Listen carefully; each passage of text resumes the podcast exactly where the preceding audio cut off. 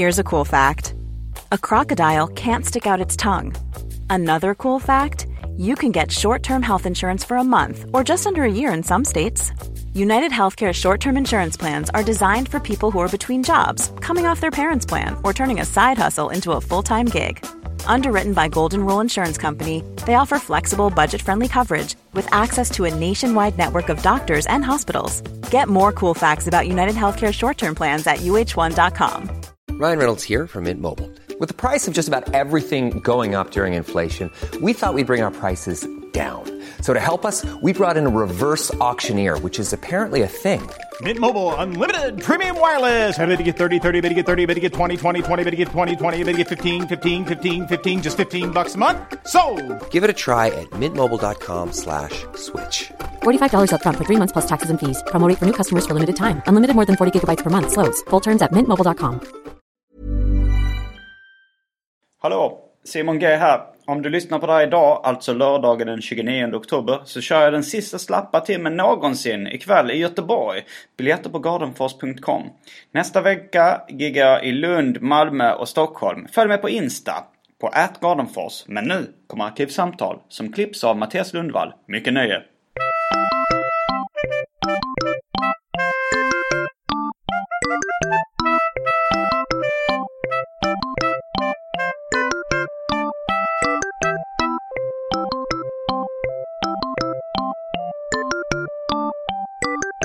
Hej och välkomna till Arkivsamtal. Jag heter Simon Gärdenfors och mitt emot mig sitter K. Svensson. Välkommen hit. Tack så mycket. Hur är läget idag? Jag är lite trött. Jag sov eh, väldigt lite i natt. Så Mm. kanske två timmar eller något. Ja, du har fått barn sen sist. Ja, men det- stör faktiskt inte min nattsömn så mycket. Den Varför är nog... Ja, men vad ska den? Jag kan inte amma liksom. Nej. Så att jag sover nog ganska ostört. Men det var mer att vi hade Della Grande igår och ibland... eh, När Det man var en gjort- podcastgala Ja, precis. jag Det kanske man måste säga. Eh, när man gjort någonting tycker jag, eller, jag, upplever att man kan, även om det blir bra, kan man få rätt mycket eh, någon så här irrationell ångest Ja. dagen efter. Så här det- vakna och bara... Bakslag tror jag det kallas. Ja, det kanske... I reklambranschen kallas det eh, post presentation coma. Okej. Om man Ja, har ja, haft en okej. stor reklampresentation för, en, för kund. Ja, Så eh, hamnar man i en slags bakslag, koma. just. I tv heter det post production blues. Ja, okej, heter det Men detta tycker jag är något, detta är liksom ingen depression. Det är mer bara så här... Fast postproduktion, det är ju en process också. Alltså när man sitter i, Ja. i man sitter och fixar ljudet. Och, Precis. Men här är väl då när hela produktionen är klar. Mm. Att den här tomhetskänslan som kommer när man varit väldigt engagerad i något. Detta, detta är mer liksom att eh, jag går igenom kvällen i huvudet på ett eh, liksom abnormt sätt. Mm. Liksom, det, det är som att tanken är fast i en loop. Jag måste gå igenom samma sak om och om igen. Mm. Vad är det för grejer du går Ja, igenom? det kan vara så här saker jag sagt. Liksom bara, var det så kul? Ja men det var är det är klassisk bakfylleångest. Ja. När man, alltså det kan ju också vakna upp med att säga så här om, om man råkat förolämpa någon på lite taskigt sätt. Ja. Eller om jag har skrytit på ett sätt som jag tycker är lite obehagligt. Mm. Alltså så här, ett sätt som jag hade stört mig själv på om någon annan hade gjort. Ja. Eh, så kan jag få sådana. Men det var rätt länge sedan jag hade den typen av bakfylleångest. ja, det är inte helt omöjligt att det är bakfyllångest heller. Men, För att ofta när man har uppträtt så har man ju liksom druckit lite efteråt. Mm. Och det är också någonting att, jag, nu, nu var ju den här galan så då att vi satt, jag var ju på scen nästan oavbrutet, nästan tre timmar. Mm. Så satt vi liksom och pimplade öl hela tiden.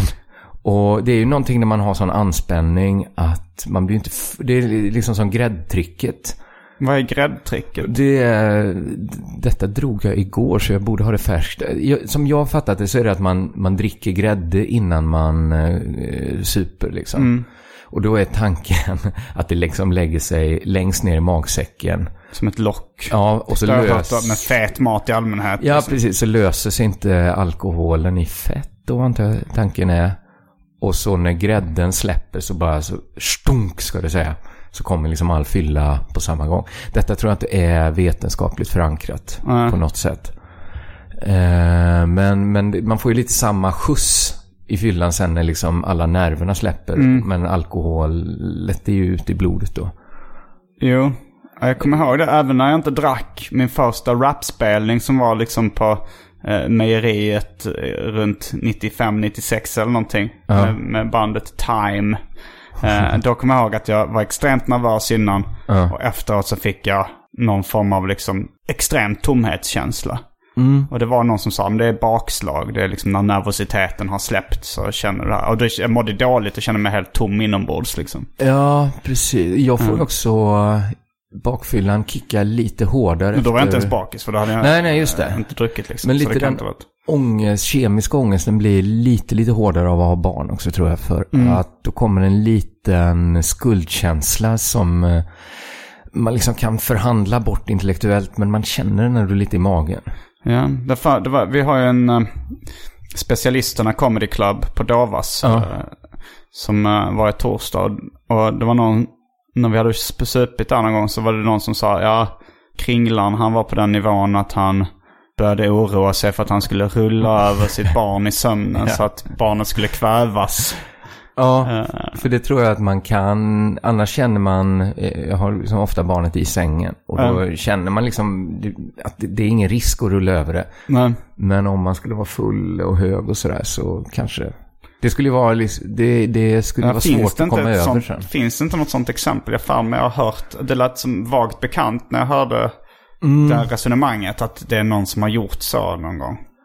Ja, det skulle ju vara hemskt.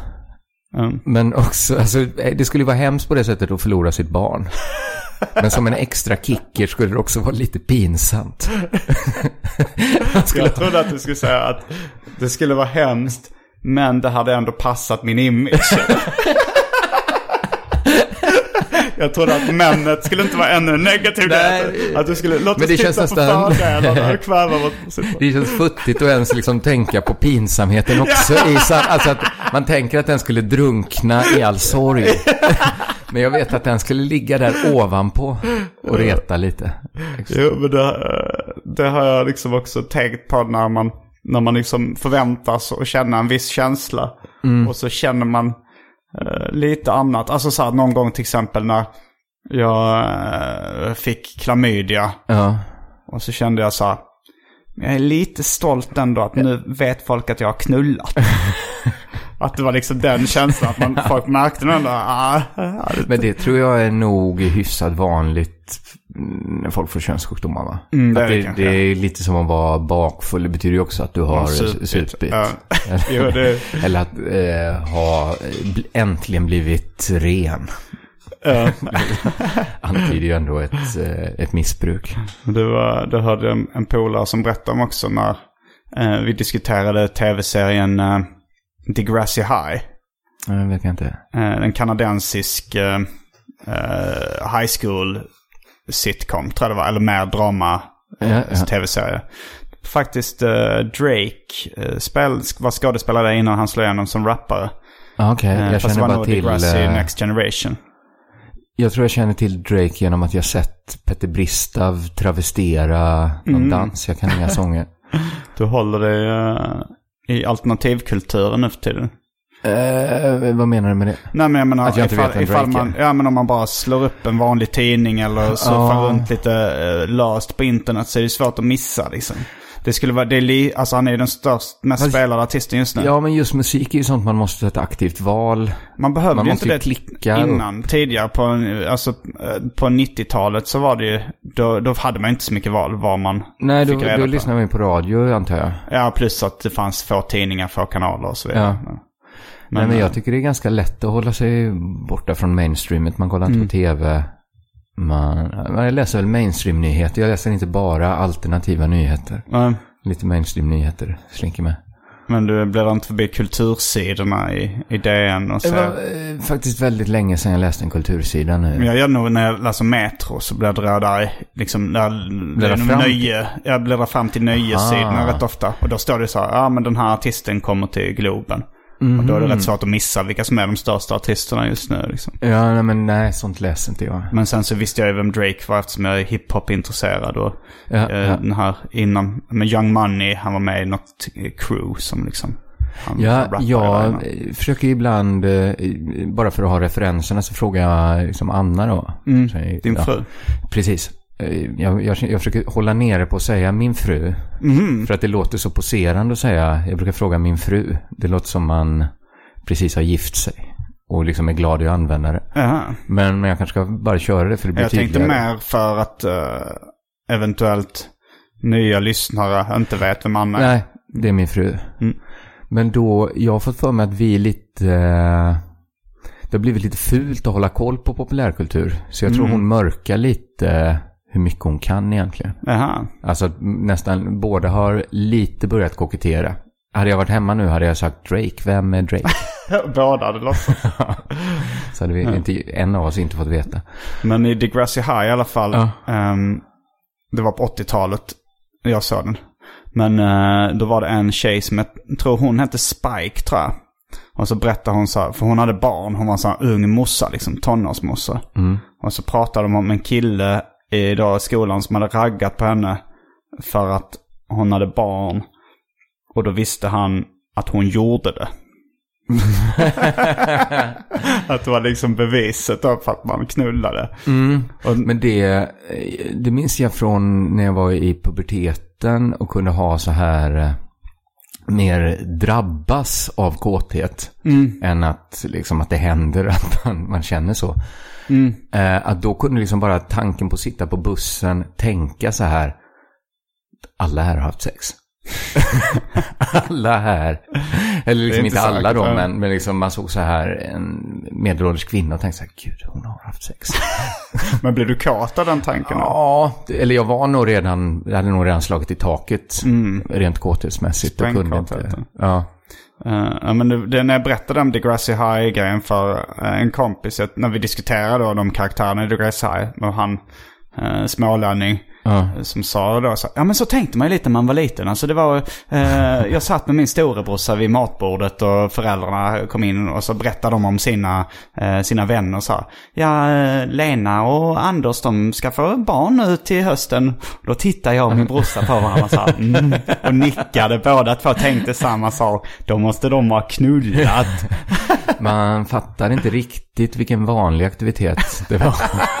För att det var så ovanligt i ens eget Ja, liv. då kan, han- det kan, de kan vara rätt små och de hade fått reda på att alla som har barn har knullat. Ja, Och sen så, men de kände bara en tre, fyra pers som var vuxna. just det. Och de visste, okej, morsan och farsan har knullat, det är roligt.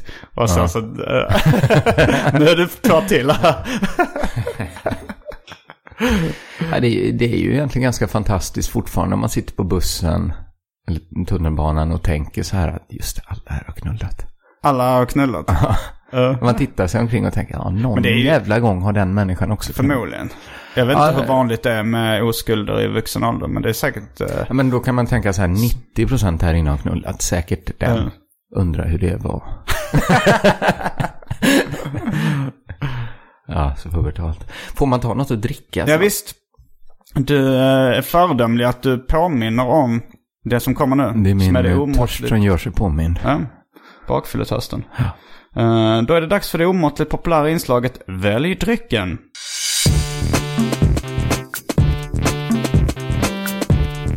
Jag tror vi börjar med det fasta inslaget Välj drycken! Och här kommer alternativen. Fanta Zero.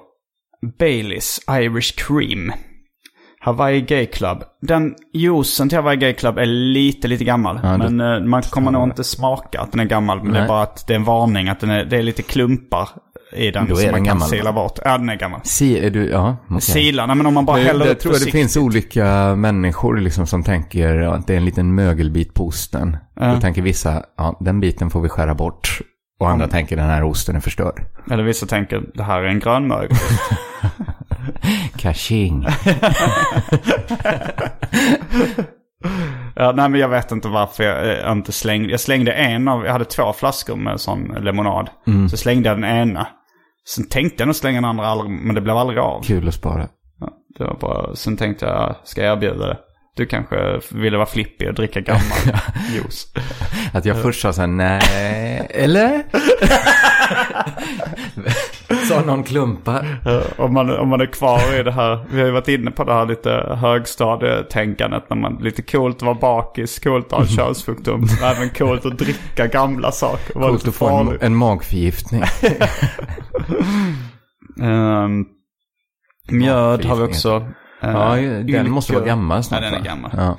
Ylker Camillo, någonting citronläsk som jag fått. Fritz Cola, riktigt, riktigt gammal julöl. Inca Cola, Russian Power Energy Drink. Och för tråkmånsar och nejsägare, vatten. Det var ingen bira där. Nej, den är uppdrucken för länge sedan. Oh, då, Jag tror inte jag har någon bira man skulle kunna... Nej, det... då vette fan, vad hade du... Fan, Jag kan det... säga att jag själv kommer ta uh, Baileys shot. Ja, då tar jag också en Baileys då. Mm. Och ett glas vatten kanske. Ja. Ja. Då är vi strax tillbaks med dryckerna.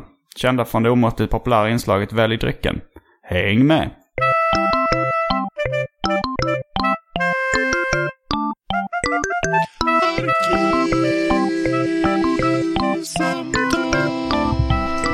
Då är vi tillbaks med dryckerna. Vi fick, jag fattade ett lite spontant beslut att eh, testa blanda Baileys och Malibu. Alltså när du sa det så tänkte jag direkt, fy fan vad smart. Det här Mm. måste nästan någon ha kommit på innan, eller var det? Det är nog en sibirisk cykel. Fast uh, ja, för att Hawaii Gay Club visar sig vara en unik drink. Du kan ta det här underläget. Ja. Ehm, men eh, det här måste ju någon ha tänkt på. Fast det är just ananas och choklad som kanske uh, skär sig lite. An- kokos och choklad känns ju som en eh, match made in heaven. Men är inte eh, Malibu eh, kokos? Och det är kokos fast det är inte... Nej vänta, det är piña colada som är Ja. ananas och kokos. Så nu är det kokos, detta är ju typ en Bounty Ja det är det. vi dricker nu. Mm, det var gott. Det var faktiskt gott. Det var Baileysen tog ju över mest. När den dominerar nästan överraskande mycket. Eh, det är nästan svårt att känna kokosen. Mm, jag känner nog inte den riktigt. Hade du lika delar? Jag försökte göra det men... Det är ju en jävligt lurig dryck alltså. Att den är så god men ändå det är lika starkt som sprit. Ja det är väl inte riktigt. Inte riktigt. Alltså så här, om whisky är 40 så är väl eh, sådana här likörer med runt 20, 25. Jaha, ja, tror ja. jag. Okej, som starkvin då? Jag blir jävligt nyfiken nu. Jag springer bort och kollar. Underhåll lyssnarna i 20 sekunder. Men vad ska du kolla om det är kokos i? För mest nyfiken är man ju på att veta om den här drinken redan finns. Den, det skulle kunna vara att den inte finns eftersom den smakar väldigt mycket Baileys. Ja, man kanske då bara får ha en, en liten knivsudd Baileys. alltså man måste, det måste finnas en, en kombination där uh, Malibun dominerar. Ja. Men nu ska vi först då säga, eh, det är 17% bara i Baileys. Jaha, ja det är bara en likör ja. Ja, det är en likör. Och jag tror även det här är 21% Malibu. Så ja är då blir det ju likörer. 40 ihop vet du. Ehm, och sen så det står bara Caribbean Rum with Coconut Flavor på Malibu. Så ingen ananas. Så det, nej. Det var Är det mig. inte i Bottom som är det Hitler dricker bara Malibu? Va? Är Hitler i, i vilken? Eh, TV-serie? Tv-serien Bottoms. Är det en uh, komediserie? Ja, jättebra. Det var uppföljaren på eh, The Young Ones. Mm. Brittisk så äckelhumor. Ja. Jag tyckte, eh, alla är väl överens om att The Young Ones var liksom den riktiga liksom. Men jag är ju eh, liksom föredrar ju Bottoms. Men ehm, det, är inte det, är inte Young Ones. Jag tänkte att det var Young Ones eller eh, Kids in the Hall som hade en sketch från Girl Drink Drunk. Som jag pratade om i förra avsnittet av Arkivsamtal. Där det var en som blev alkoholist på tjejdrinkar. det var en väldigt rolig sketch. Vad, vad Men är det ett försöker- sketchprogram? Uh, nej, nej, det är mer sitcom. Då var det nog Kids in the Hall. För det, är, det är sketcher. Ja, ja. Men du nu kallade tycker jag min- fan Malibu kommer här. Det hade kanske varit att det inte blandades. Nej. Eller att den sjunker till botten av något slag. Det kan ha olika. Ja. Men det måste ju finnas, alltså jag, nu gör jag något ovanligt i Arkivsamtal. Pausar och googlar. Bara för att jag blev så nyfiken på... Vi kommer inte kunna släppa det.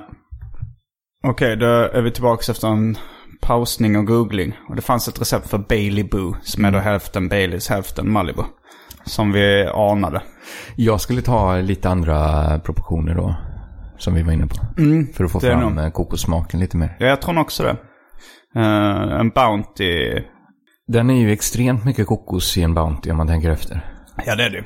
Det är väl nästan... Det måste vara ett- det är bara- 95% kokos. Ja, det känns ju som att det är ett innanmäte fullt av kokos. Mm. Och ens bara ett hölje av choklad. Ja. Men jag, jag, Malibu var en av de första eh, liksom spritsorterna eller likörerna jag drack.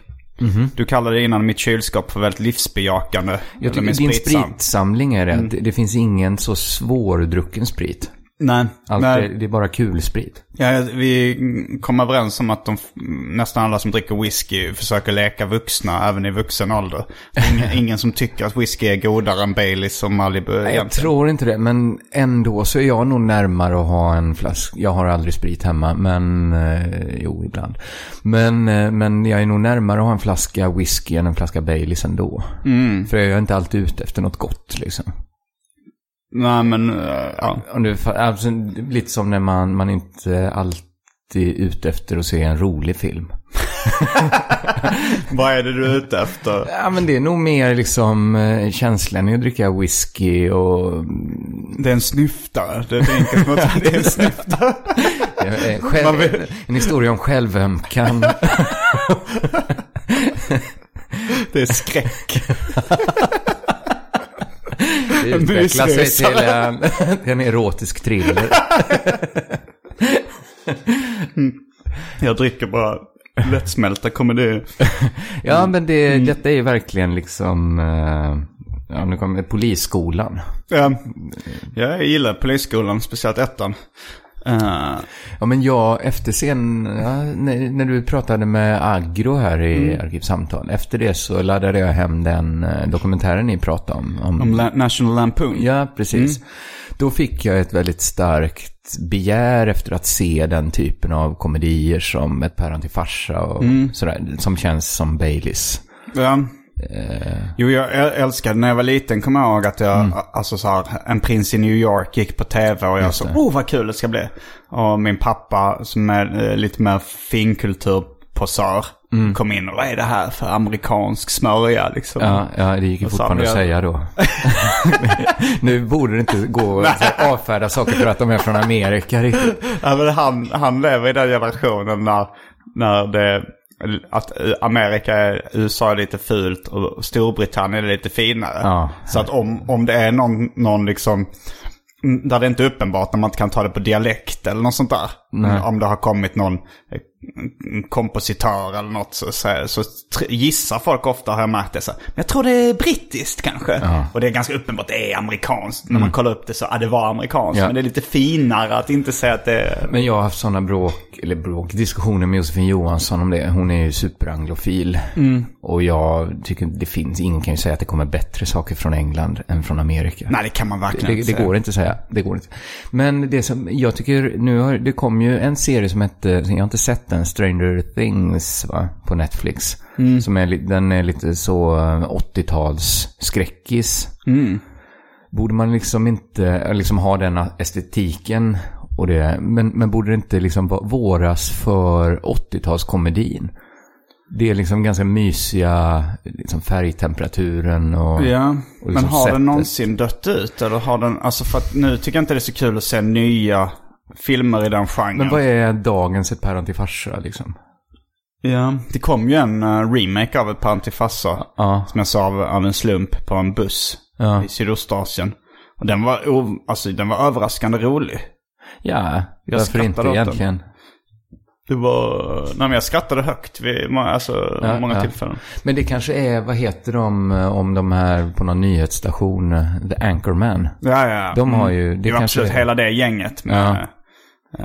eh, Eh, 40 year old virgin kändes som en sån 80-talskomedi. Ja, med eh, Judd Apatow-filmerna. Just det. Det är ju motsvarighet. Ja. Jag tar tillbaka, det finns redan. Ja, men man, man tänker att de är lite, lite smartare än, Mm. än 80 Det är det att alla ska vara så himla smarta nu för tiden. Ja, Det kan inte bara handla om ett, ett lag som är jättedåliga på sin sport. som sen vinner högsta ligan. Alltså nu fyller jag ifrån mig på min, min storebrorsa. Men han hävdade vid något tillfälle att så här, afroamerikanska komedier eh, var lite medvetet mer korkade. Eller att den var, alltså om, om man ser så här, eh, Ice Cube-filmer eller något sånt där. Så de kanske riktar sig till en mindre eh, påläst eh, Ja, folkgrupp. Men jag vet inte riktigt. Så är det. Ja, men afroamerikaner är väl mindre utbildade i medel, eller? Ja, Det, det, kanske inte, det har kanske bättrat till sig. Den Ja, det har nog bättrat till sig, men jag vet inte riktigt. Sen kanske det är att, det att det är referenser till saker som min storebrorsa inte fattar. Så tänker han att det bara är kort. det var för dumt. ja. Jag kan inte så dumma saker. Jag är så smart. Eh, Men, vad, nej men jag, när vi, ja, min brorsa, jag kommer ihåg när vi var små, han, det var han introducerade mig för Baileys. Han hade köpt det och det var ganska lättdrycket. Och Man blandade det med, med mjölk. Mm. Och, och då blev det ännu mer som liksom en, en, en god mjölkdryck. Alltså det är svårt att förstå att det blev sån skräck när alkoläsken kom. När det funnits Baileys hela tiden. Mm. Egentligen. Så alkoläsk är ju nästan, ja det, är- men det är ju egentligen bara bland, om man doserar rätt så är det ju bara blanda läsk med lite vodka. Och så får Ja, man alkoläsk. Det är just inte, de beståndsdelarna har alltid funnits. Eh, men jag kommer ihåg, vi var i, i Frankrike tillsammans när, eh, med våra föräldrar. Det var på någon sån här skidsemester. Och vi var kanske, han kanske var eh, 16 och jag kanske var 14. Men då upptäckte vi att man fick köpa eh, alkohol i barerna liksom. Och Då så, så lyssnade vi på en hiphopgrupp som hette Black Sheep. Och där eh, har de en textrad. Han raggar upp någon tjej som dricker drinken Milk and Amaretto. Och då, då så beställde, kommer jag ihåg att vi beställde det på en bar i För vi sa, oh, här, vi var, vi var lämnade ensamma utan våra föräldrar. Så tänkte vi, nu ska vi supa. För man får göra det här, hade vi eh, listat ut. Ja. Och då så bara tänkte vi, det var den enda referensen vi hade till drink. nu i efterhand har jag fattat att det är ju en he- jag har aldrig hört talas om den drinken utanför den låten. Det är alltså den här mandellikören, amaretto. Ja, alltså det är inte bara mandel. Det är utan, va? Ja, och som då finns i, pol, inte polkagris utan eh, marsipan. Ja, just det. Så att eh, det smakar marsipan och mjölk. Ja. Vilket, jag är inte så inne på bittermandelsmaken. Det är en så. Är det inte det? Jag tycker det är väldigt gott. Amaretto. Mm. Eh, Det hör nog till mina, det är inte riktigt på Baileys nivå Mm. i så lättsam underhållning. Nej. Väldigt så här amerikansk smak. Som alltså Tycker du vissa... den är kemisk? Nej men amerikansk som är, den är väldigt populär i USA. Att om man, om man bara tar en karamell eller äter en kaka Ja, eller något det. sånt i USA så smakar det ofta bittermandel, alltså amaretto-smaken. Men väldigt sällan i Sverige. Ungefär som eh, den här uh, jänka-smaken är också väldigt poppis i USA. Den här, Mm, den är svingod. Sassaparil eller sassafras. Jag är inte så inne på den heller. Eh, även om jag är, är amerikanofil. Ja, precis. Även, du borde ju... Ja, ja, men jag kan inte riktigt köpa allt. Men det, jag, jag har bara varit i USA en gång. Mhm. Och jag tyckte det var kul och sådär att vara där. Eh, Du var i New York va? Ja, och i Los Angeles och San Francisco. Var det samma resa? Ja.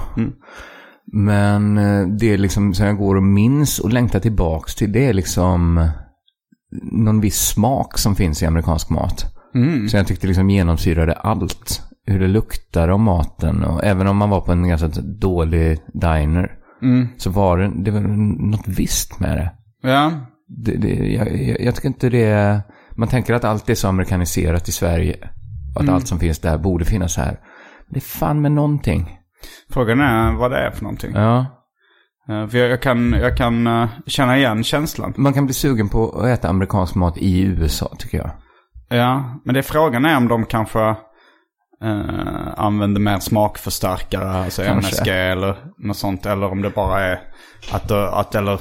Att Men jag tycker, någon- av att någon- vara i USA tycker jag jag blev mer sugen på smakförstärkare också. För han tänkte att de är, de är så duktiga på det här. Ja. Jag, har, jag har nog aldrig beställt en kaffe latte ens i Sverige. Men i USA så blev jag sugen på att dricka en sån. Jag var där vid halloween-tid. Och, och liksom så här pumpkin flavored. eh, Liksom mer som en sån här glassbomb. Jag tror fan jag åt glassbomb när jag var i USA också. Bara för att det var så jädra gott där. Ja. This is Paige, the co-host of Giggly Squad, and I want to tell you about a company that I've been loving, Olive and June. Olive and June gives you everything that you need for a salon quality manicure in one box. And if you break it down, it really comes out to $2 a manicure, which is absolutely insane. It's also so easy to get salon worthy nails at home with Olive and June. The difference between how your nails used to look when you did them yourself and now with the Manny system is a complete game changer. The best thing about Olive and June too is it's a quick dry, dries in about one minute, lasts for five days, and full coverage in up to one to two coats. Visit oliveandjune.com slash perfectmanny20 for 20% off your first system. That's oliveandjune.com slash perfectmanny20 for 20% off your first system system. Mom deserves the best, and there's no better place to shop for Mother's Day than Whole Foods Market. They're your destination for unbeatable savings, from premium gifts to show-stopping flowers and irresistible desserts. Start by saving 33% with Prime on all body care and candles. Then get a 15-stem bunch of tulips for just $9.99 each with Prime. Round out Mom's menu with festive rosé, irresistible berry chantilly cake, and more special treats. Come celebrate Mother's Day at Whole Foods Market. Many of us have those stubborn pounds that seem impossible to lose, no matter how good we eat or how hard we work out. My solution is PlushCare. PlushCare is a leading telehealth provider with doctors who are there for you day and night to partner with you in your weight loss journey. They can prescribe FDA-approved weight loss medications like Wagovi and Zepbound for those who qualify. Plus, they accept most insurance plans. To get started, visit plushcare.com slash weight loss. That's plushcare.com slash weight loss. Ja, det, jag längtar alltid tillbaka till USA och Tokyo. Det är det, liksom, nu har jag nästan helt gett upp andra resmål. Jag kan Ja. tänka mig åka det, men det, jag tänker så här, det blir inte roligare än så här. Det blir inte bättre än så här. Men återigen, eh, du är så inne på ro... Det finns...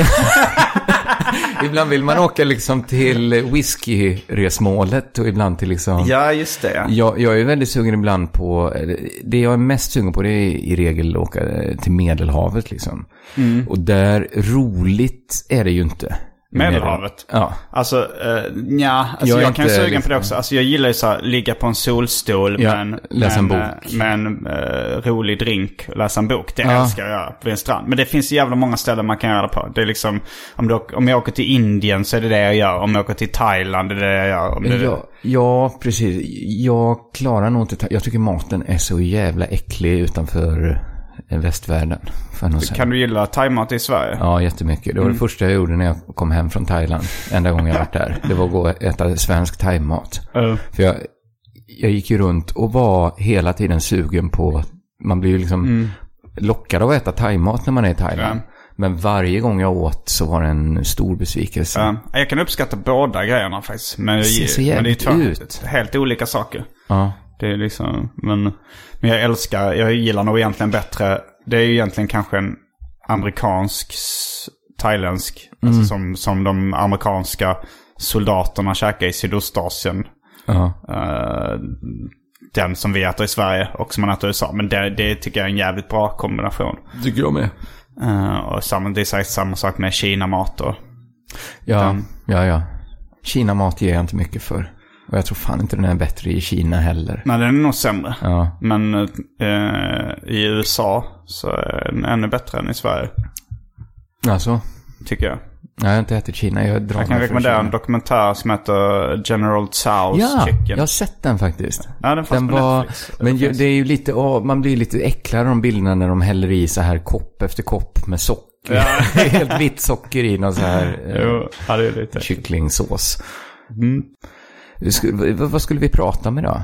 Vi kanske har pratat bort hela programmet nu Nej, på... vi har bara pratat bort halva. Ja, all right. Och eh, ja, jag ser det inte som eh, att man pratat bort det. Nej. Jag är med och har samma inställning. Som, som eh, någon förklarade för mig så här. I Sverige, om man missar en buss och det är en timme till nästa buss går. Då känner svenskarna att vi har förlorat en timme. Men i Afrika. om man missar en buss. Då känner afrikanerna att de har vunnit en timme. Men vi har fått en timme vi kan göra vad vi vill på. Så jag känner, jag känner inte att vi har pratat bort. Nej, vi har nej. pratat till oss en halvtimme. Vilken syn på afrikaner. de har aldrig någonstans de behöver vara.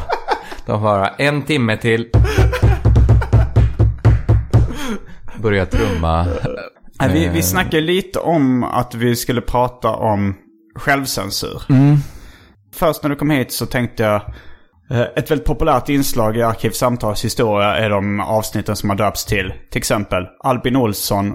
Om hur Albin Olsson förlorade oskulden. Ja, om ja. hur Elinor Svensson förlorade oskulden. Om hur eh, Anton Magnusson gjorde. Där, där hoppade historia. min självcensur in. Ja. Ja, men jag var inte sugen på det. Nej, det var väl delvis av självcensur. Men sen också att du nämnde någonting om att du hade en, jag vet inte om det var en tyst eller öppen överenskommelse med din fru om att ni pratar inte om sex med andra. Lite så här, jag håller på eh, med så här självbiografiskt projekt. Lite som, jag vet inte om dina lyssnare har lyssnat på AMK Sommar då som gjordes i sommar. Mm. Det jag liksom Borde gjort- de göra annars. Men... Ja, ja, det borde de göra. Eh, Båda vi gjorde väl väldigt genomarbetade och bra program. Ja. Men, men jag, jag bara upptäckte att det är ganska roligt liksom att spinna på saker. Du, gör, du är ju duktig, eller serietecknare är ju... Mm. Det var lite serietecknarna den- som startar självbiografiska trenden skulle jag säga. Mm, och framförallt det formatet att man kan ta liksom bara en story. Mm. Man behöver liksom inte, här är mina eh, memoarer. Nej, just det. Utan man kan ta en story Slice som- of life. Precis. Så då sitter jag ganska mycket med det och försöker komma på massa historier. Och liksom, det är klart, har man levt i 35 är jag. Det finns ju vissa stories som har så här gamla flickvänner med. Men jag, jag vet inte, jag tycker det känns dumt att sitta hemma nu när jag är gift och sitta där och tänka på gamla tjejer. Eller jag vet inte, det, det tar emot. Det, det, det, tycker jag skulle kännas lite fult nästan. Ja, jo jag förstår. Eller, på något liksom... sätt tycker jag inte jag man beter sig så. Nej, jag, jag, jag hade nog inte jättegärna eh, läst en uh, självbiografisk serietidning av min flickvän där hon berättar om gamla knull. Nej. Men grejen är att jag hade nog, jag hade tyckt så här, om, om hon vill göra det så är det lugnt. Eh, jag vill, du sa, förstå att inte jag vill läsa den. Ja, ja. För så är det väl, för jag har ju gjort väldigt många sådana. Ja. Och jag säger så här, men jag tycker inte du ska läsa Ja, du kan inte riktigt bra." säga någonting. Nej, nej, det kan jag inte. För jag, jag älskar ju att läsa den typen av underhållning. Mm. Ja, ja, När andra berättar om sina liksom, personliga sexuella upplevelser och sådär. Men på något sätt så går min tanke automatiskt inte dit. Nej. Bara för att jag vet att ja, men det blir jobbigt att komma på en bra story och sen inte kunna göra något. Eh, Så, så jag, jag, jag tänker så sällan i de liksom, banorna. Ja. Och sen också att det, jag förlorade oskulden, det var en totalt odramatisk historia också som inte kommer leda till särskilt många skratt. det hade varit bättre vi bara, att du bara hade sagt, men det ville du inte tala om. ja, fast då hade kanske man lämnat lyssnarna väldigt frustrerade. Ja, ja, ja. Jag gillar Men då, det hade också låtit som... eh. Det, det hände något extremt spännande där. I mitt liv. Men vi, ja men självcensur, men jag tror folk får för sig att kanske framförallt du, men också jag, är sådana som inte jobbar med självcensur. Ja. Jag, ifall, ifall jag gör, ger kanske gärna intrycket av att vara gränslös och att Mm. jag lämnar ut vad som helst. Men samtidigt vill jag också eh, vara så pass ärlig som möjligt. Så därför nu, och så har det varit lätt för mig att säga så här att jag har inga gränser. Men jag vill ju också vara så pass ärlig att jag erkänner för lyssnarna att det finns gränser. Ja, Det, ju- det hade ju varit eh, någon form av självcensur att upprätthålla den myten mer. Eh, ja, egentligen så är det ju ganska ointressant med en människa som inte har några gränser. Det är ju intressantare med en människa som Det är ju har... intressant blir det ju, men det är svårt att relatera till dem kanske. Alltså man, man kan ju vara intresserad av att se en dokumentär om Josef, Josef Fritzl eller läsa en biografi om Johnny säkert- Bode. men, eh, Jo, men Fritz hade säkert helt andra gränser. Han var säkert inte öppen med att hans eh, fru låg med andra. Till exempel. Alltså, gjorde han- hon det? Nej, han låste väl in henne i källaren. Jaha. Jag menar, men han, han var ju inte en gränslös människa. Men, Ja, ja, ja. och han delade, det var inte tanken att alla skulle Han få låste veta. väl inte in sin fru i källaren? Det var hans dotter han låste in. Vad var frun då? Hon eh, bodde i ett vanligt eh, hus och så hade han typ en liten källarlokal där han spärrade in dottern. Men varför sa inte frun ifrån? Eh, Det, det är var en dåligt- fråga som de flesta tror att frun visste om det här. Men att hon kanske var så eh, svag psykiskt att hon inte sa ifrån. Men, eh, men hon blev friad från alla misstankar till medhjälp. För hon sa till, till eh, alla jurister, jag hade ingen aning om det här. Och de... Ord står mot ord då. Ja, jag vet inte vem som hävdade att hon visste om det. Jag tror även Josef Men Fritzl. så- undrade hon aldrig vad hennes barn var? Ja, men han, Fritzl hade skrivit, låtit henne, eller eh, kanske eventuellt själv skrivit ett brev där hon skrev nu sticker jag hemifrån. Okej, och hon, fan också, vad synd. Du hade en familj. Jo, det, det, de flesta är ju, jag tror att de flesta jag har pratat med i alla fall tänker så här, men hon visste förmodligen om Ja, det. ja. Men sen tror jag kanske att äh, äh, rättegångsmänniskorna kände, hon har lidit mycket nu, Ja, hon ska jo. inte behöva... Ja. Ja, men man kan ju också se det som att hon är eh, medskyldig. Jo. Och, verkligen borde lida med. Ja, Men frågan är om hur mycket de kunde bevisa. Nej, Det, hade, det det var kanske svårt. Men uh, jo, så jag menar att det är ju intressant att prata om eller titta på dokumentärer om någon som saknar gränser eller har vissa Ja, gränser. ja. Men jag menar att s- vad du fiskar efter kanske är att när man själv kan identifiera sig eller relatera eller känna igen sig Mm. blir det ofta ännu mer gripande. Ja, precis. Ja, men det är väl så här som någon sorts, eh, men, ja, men som någon filmisk karaktär, en massmördare som är jättesnäll mot sitt marsvin. Liksom, eh, om du förstår vad jag menar. Att han har vissa gränser. Ja, att det är något som liksom clashar in i karaktären. I alla fall. Eh, Men du, vi gjorde ju en föreställning i ons... Nej, fredags. Ja. Eh, som heter K-. Svensson Conversation Club. Ja. Number one då. Nu ska jag försöka hitta på kodord så att jag inte sårar de människorna. Vi kan säga så här att jag hade en... Ja, men vi kan bara säga att du tänkte prata om en släkting. Ja, det kan vi Funkar göra. inte det? För vi En måste ju- släkting. Eh, Och, och så då eh, ville du inte... Du ville klippa bort den delen ifall jag skulle publicera ja, jag samtal. visste inte riktigt. Jag, först så skrev jag till dig att jag ville inte att du skulle ut med sociala medier. Att jag skulle prata om den här Ja. släktingen. Just det. Och eh, för att då skulle mina släktingar bli arga på mig. Och då så sa du, nej visst det ska jag inte skriva. Mm. och så gjorde jag inte det. Nej, det gjorde du inte. Men sen så när jag kom dit så, så insåg jag att du skulle spela in det och släppa det som podd. Och då tänkte jag, ja men då kommer det förmodligen mina släktingar bli arga på mig. Jag tyckte det var rätt roligt att prata om en sån grej som jag eh, kunde göra då inför Jag- en, en begränsad publik. Jag fick nästan idén om att eh, då när vi gjorde det, först Mm. blev jag lite irriterad, så här bara, men vad fan. Mm. Eh, men sen så kände jag så här, ja men det kanske är så här det ska användas, att det här, eh, här kan, då kan ju folk bli ännu mer öppna. Mm. Om det bara är hundra personer, ingen spelar in, okej sen vet hundra personer till. Ja. Men det är ju ändå liksom isolerad hemlis på något Jo. sätt. Det var inte så jättemycket att det här är någon så här scoop som folk kommer att berätta Nej. vidare. Utan det var mer Ja, så här jag- anekdoter. Jag, jag skulle också säga så här till eventuella släktingar till dig som lyssnar. Så tror jag jag och publiken eh, upplever som en väldigt kärleksfull historia. Mm. Den kändes inte alls hånfull eller eh, liksom kränkande på något sätt. Nej. Eh, Men då fick jag nog höra när, när jag snackade med dig, eller det kanske var eh, Kim W. Andersson eller, eh, eller Johan, hans kompis där, som, som sa något sånt. Jag trodde inte att du hade någon självcensur. Eller var det någon helt annan som sa det? Men då tänkte jag, okej, det... Då har jag lyckats med att ge det intrycket. Ja. Jag, även för, även för, när folk har liksom har flera gånger sagt till mig, jag trodde inte att du kunde bli nervös. det kan jag absolut bli. Ja. Jag, jag känner att jag är ganska lätt att bli nervös till och med i vissa sammanhang. Ja, men du, man märker inte på dig riktigt. Nej, kanske När inte. du, om du är nervös. Det kan vara en deadpan delivery. Ja, eh, även på nervositet. Ja. Ja, nej men eh, när det kommer till självkänsla. Jag har ju liksom, det tror jag alla har. Man har ju rent estetiska gränser också. Som man Vad inte då? Jag menar till exempel så här att eh, fekalieskämt håller inte jag på med.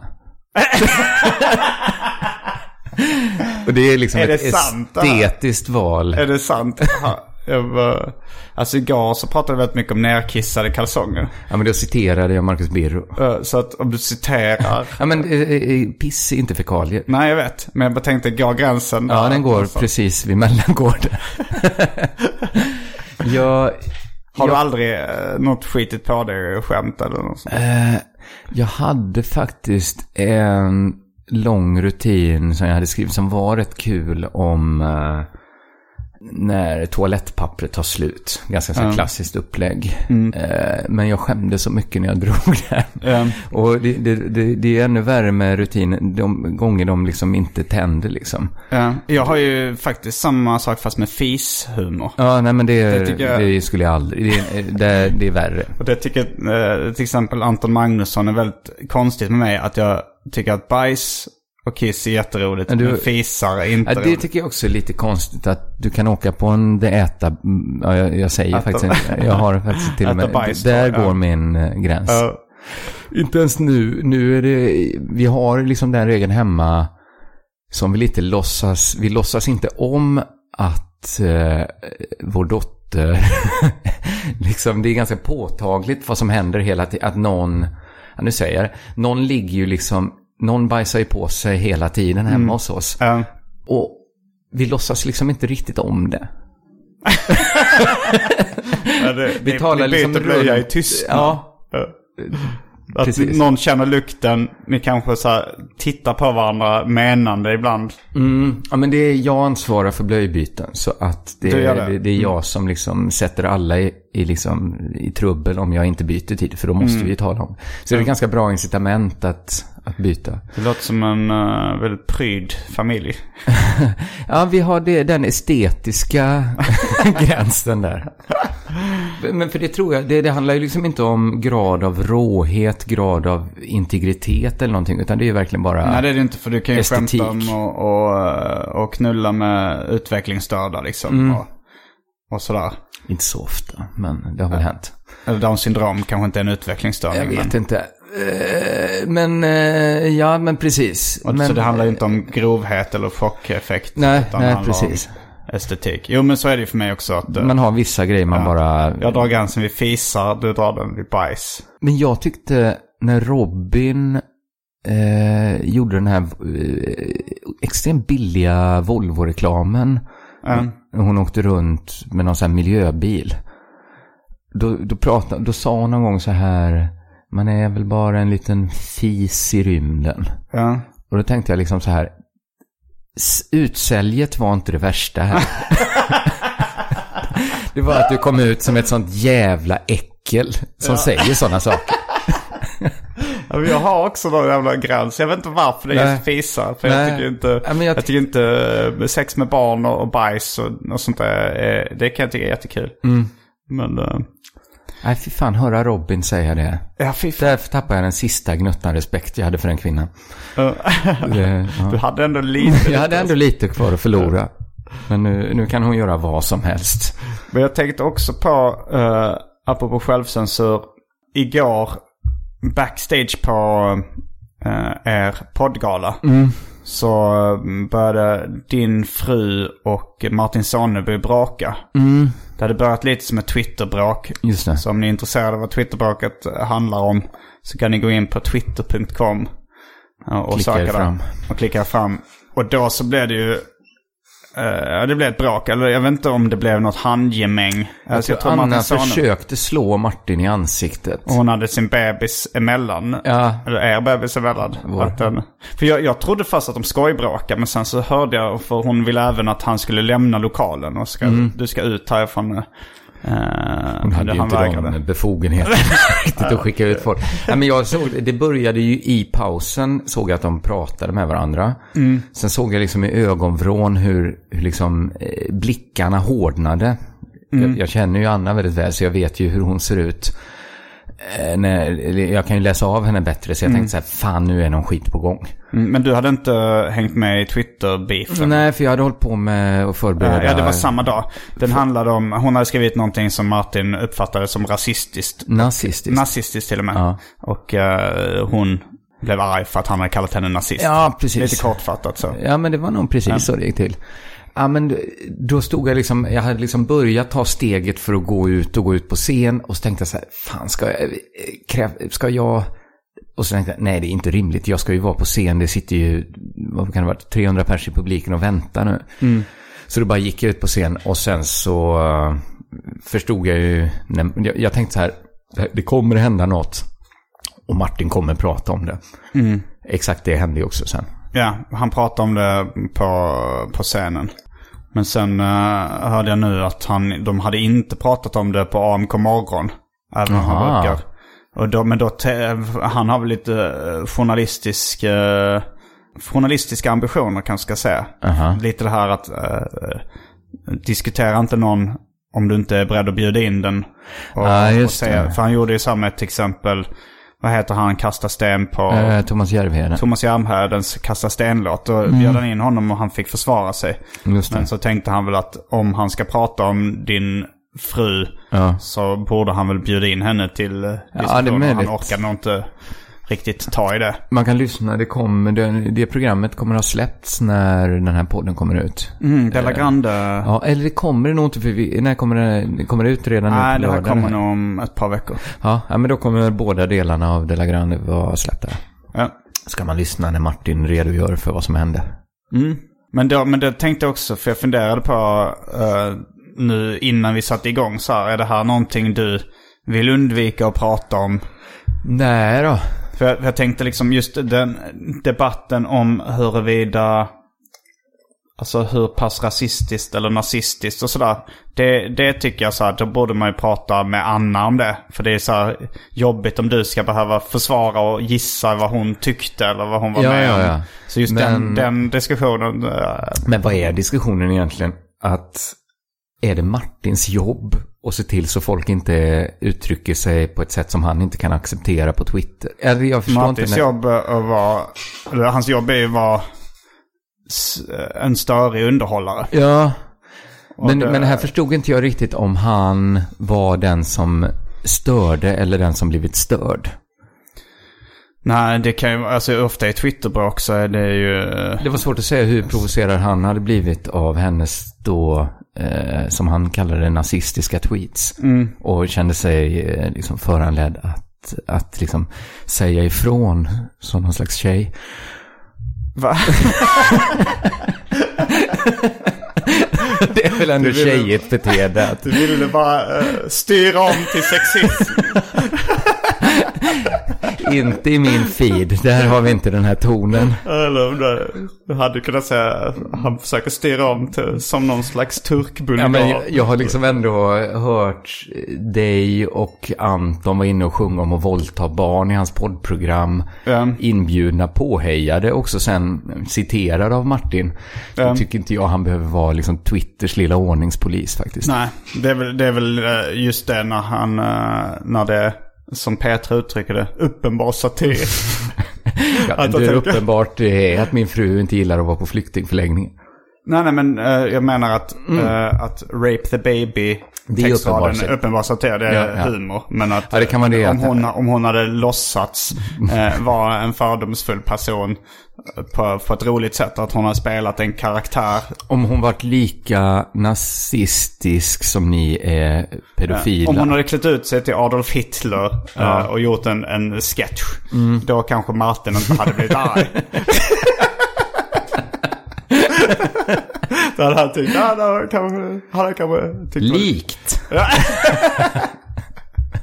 Och du kanske Ah, han okej. tänkte, det här är inte humor, det här är inte, det här är inget uh, skämt. Och då Ah, blir han upprörd över åsikterna. Eller, Ja, ja, ja. Man får inte ha vilka åsikter man vill. Nej, jag glömmer det ibland. Nej, får och får. Alltså, man, alla får vara öppen för diskussion. Absolut, absolut. Men då kan man också få ett slag i ansiktet. Jo, det kan ju hända. Men eh, det är förbjudet enligt svensk lag. Det får du ta med min fru. Jo, det var det, Som- det var det jag tänkte. Att om man ska gå in på detaljer så är det bättre. Hon har så eh, små, hårda samiska händer också.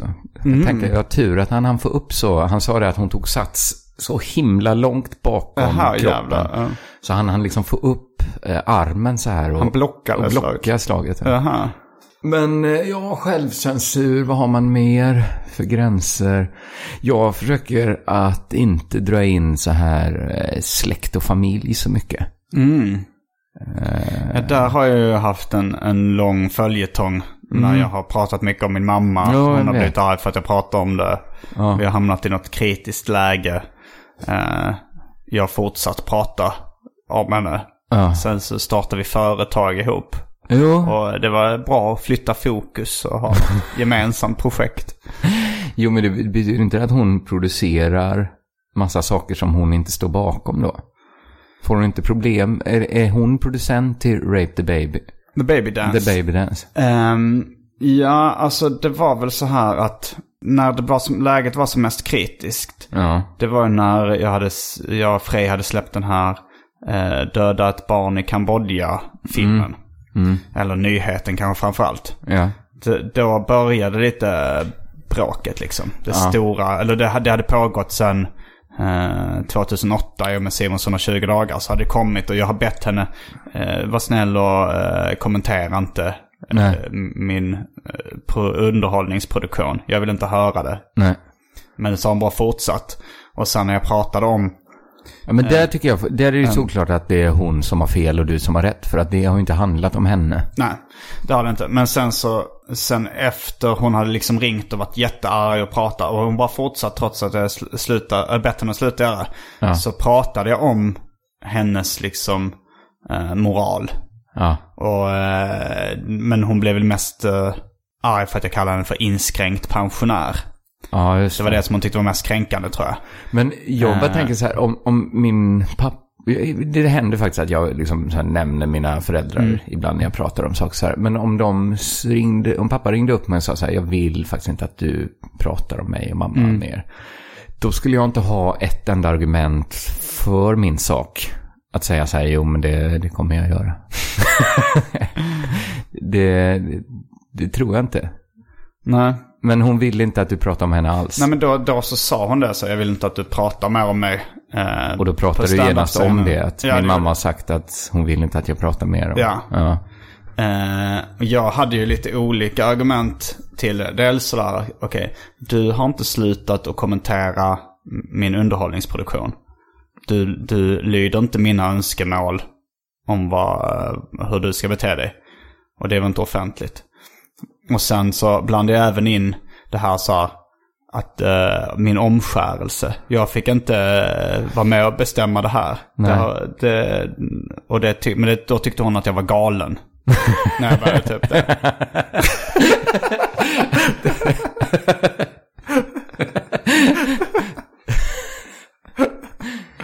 Eh, men sen... eh, och, och, och så var, var bråket. Och sen, och sen så var det ett tag vi inte pratade med varandra liksom på ganska lång tid. Ehm, sen så började vi...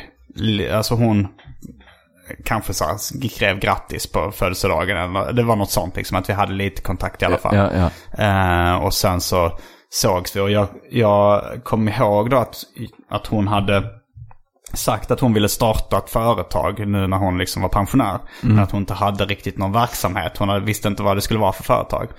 Och min revisor hade sagt att eh, du borde starta aktiebolag. Det rekommenderas av alla Ja, ja. eh, experter. Eh, och då tänkte jag, men då kanske min mamma vill, och då, det är kanske ett sätt att, för oss att, eh, nästan som så här, eh, ett par som krisar och skaffar barn. Att de får ett annat projekt att fokusera på och Just det. kanske liksom slipper fokusera på sitt gnabb och gnäll. ja. Och min mamma tyckte det var jättekul så att hon, Ja. eh, så hon ville jättegärna starta det företaget tillsammans. Alltså hon skulle sköta pappersarbetet och, och starta igång verksamheten. Och, men då så sa jag också eh, till henne så att om vi ska göra det här så vill jag att du inte lägger dig i den kreativa processen eller liksom Nej. vad jag gör. Så nej, det, det ska jag väl försöka inte göra. Och så sa jag så här, så sa jag, för, det, för då visste jag vad jag skulle, eh, hade för grejer på gång. Liksom. Till exempel Baby Dance så sa, så sa jag, eh, för det kommer nog komma saker som du absolut inte kommer gilla. Så sa han så här, "Ah, men äta bajs Tor, nej det tycker jag inte är så farligt. Är, det- är det det du tänker på? Det kommer värre saker. En sån mammaplågare.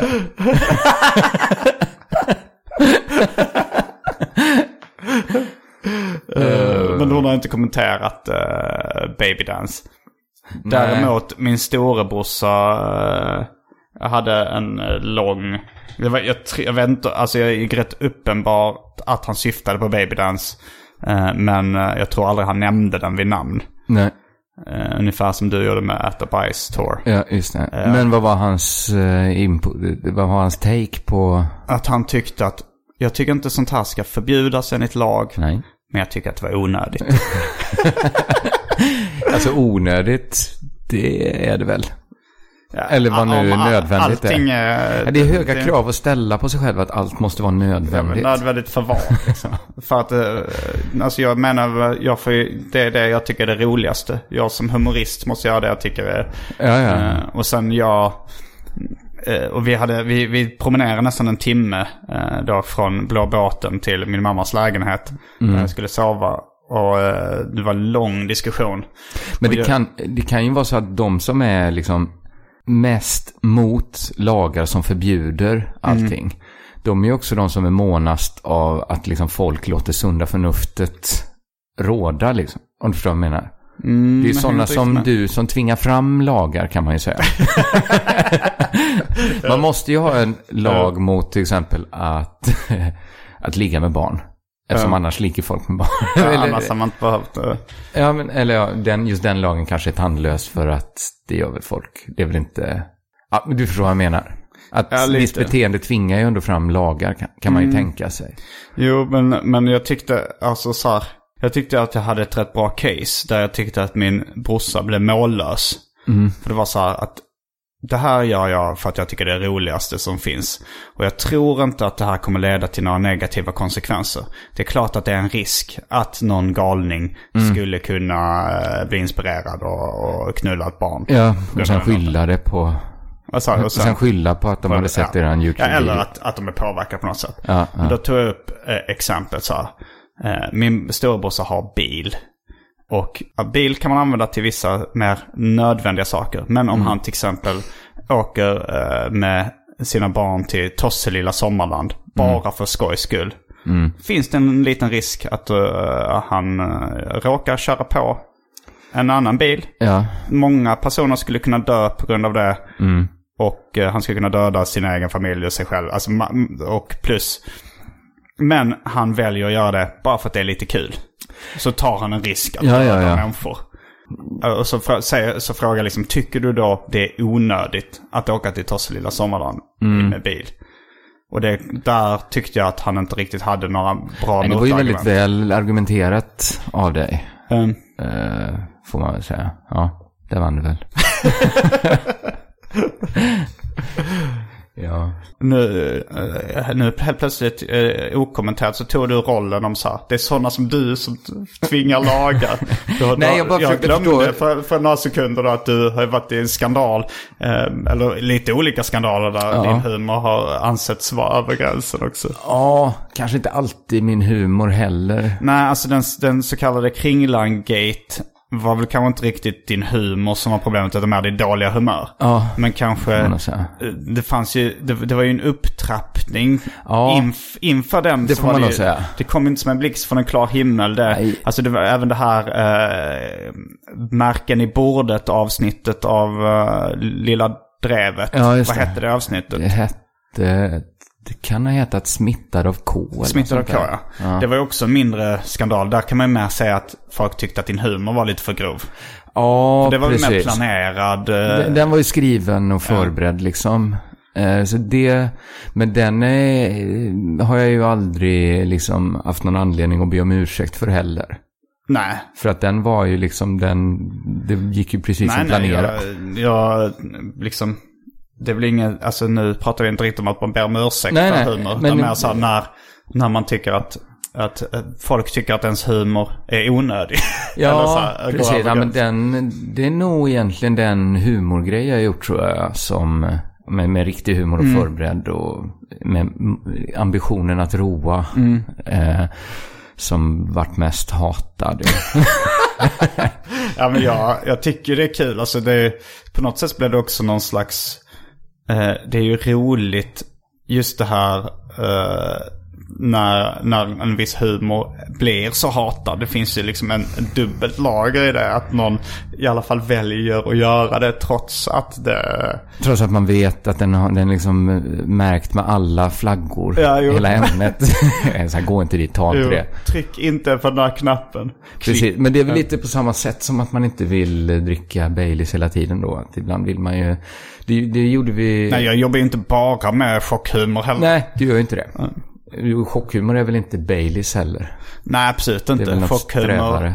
Det är mer en sån här tequila med en larv.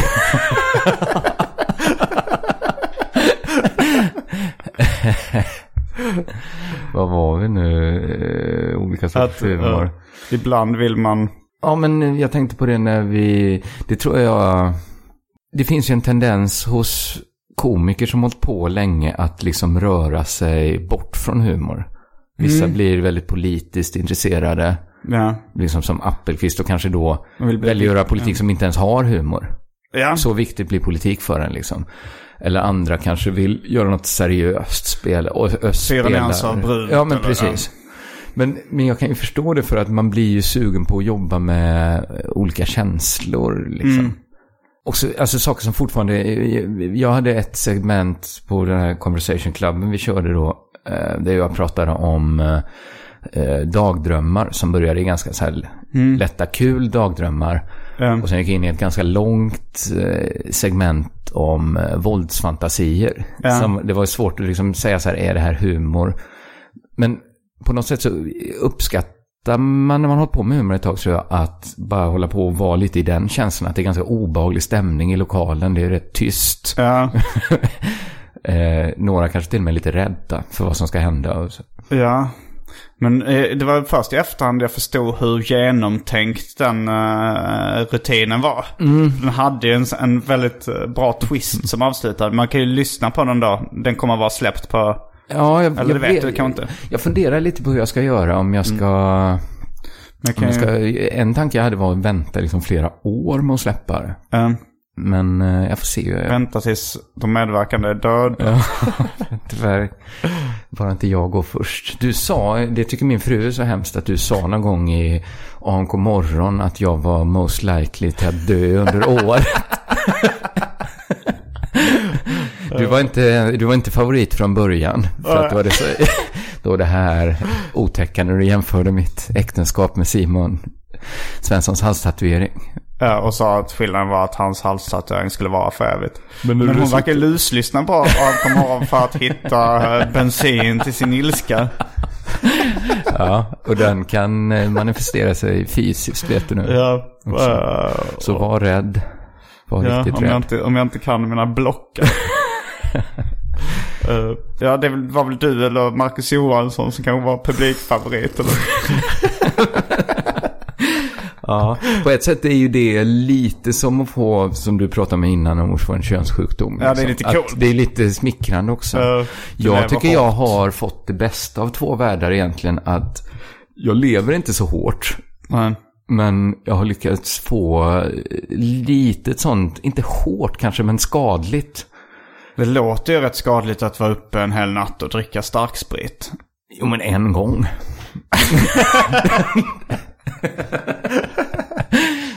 Och just den gången.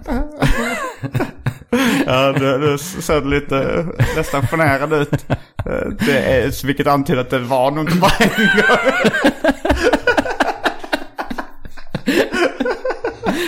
Ja, men då får man ju det bästa av två. Om man liksom har rykte om sig av att vara missbrukare. Ja. Men så är man inte det. Nej. Så då får man både långt liv och liksom ryktet. Men det Coolt har rykte. jag ju uh, listat ut för länge sedan. Hela min karriär har ju, alltså, eller en stor del av min karriär är ju att ha eh, rappat om uh, hasch och andra droger. Just det. Och jag har inte knarkat speciellt mycket. Jag har, ju, jag, har ju, jag, har inte levt ett dragfritt liv, det ska jag inte påstå. Nej. Men, eh, men det, folk tror, alltså folk som inte, är, som inte har lyssnat mycket på den här podden tror ju att jag knarkar jättemycket. Och, så det är ju, då, och då har jag ju fått det, det Ja.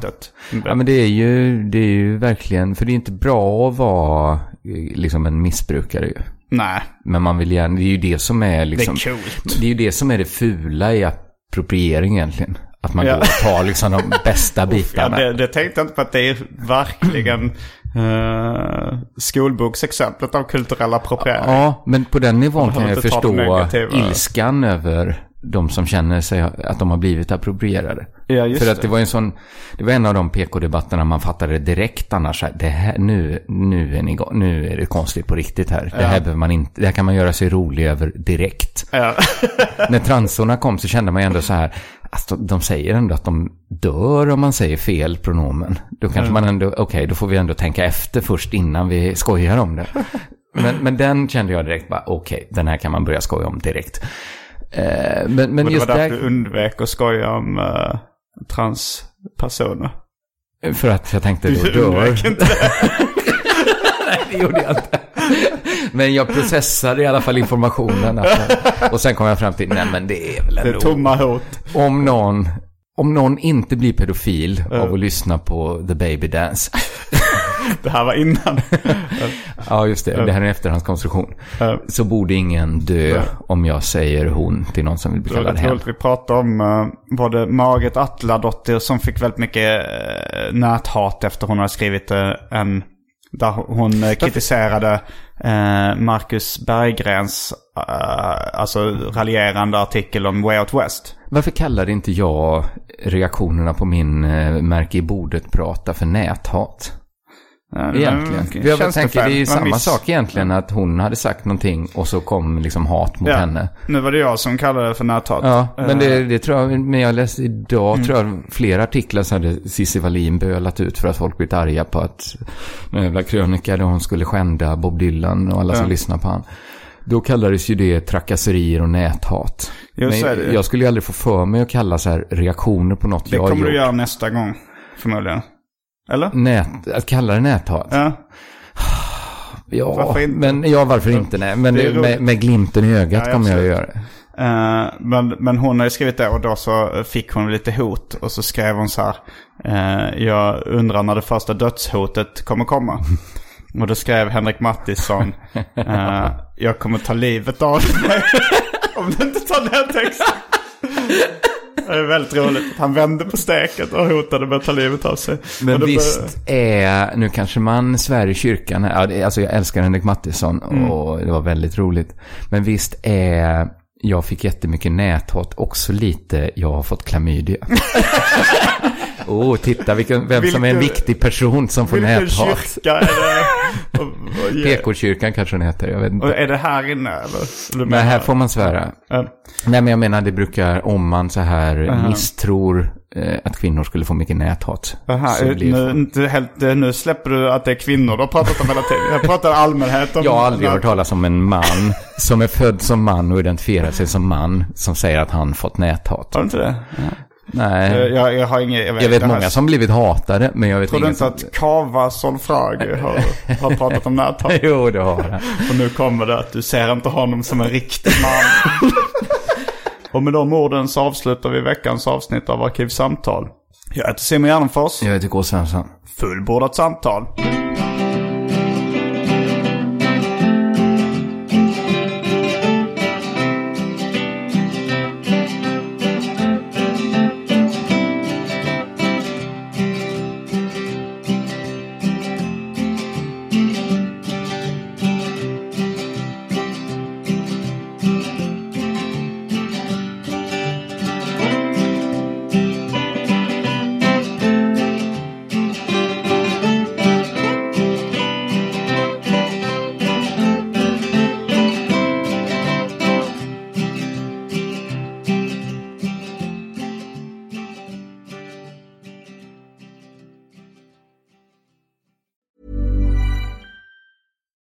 Deserves the best, and there's no better place to shop for Mother's Day than Whole Foods Market. They're your destination for unbeatable savings, from premium gifts to show-stopping flowers and irresistible desserts. Start by saving 33% with Prime on all body care and candles. Then get a 15-stem bunch of tulips for just $9.99 each with Prime. Round out Mom's menu with festive rosé, irresistible berry chantilly cake, and more special treats. Come celebrate Mother's Day at Whole Foods Market. Even when we're on a budget, we still deserve nice things. Quince is a place to scoop up stunning high-end goods for 50 to 80% less than similar brands.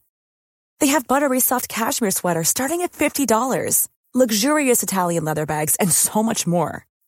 Plus, Quince only works with factories that use safe, ethical, and responsible manufacturing. Get the high-end goods you'll love without the high price tag with Quince. Go to quince.com slash style for free shipping and 365-day returns.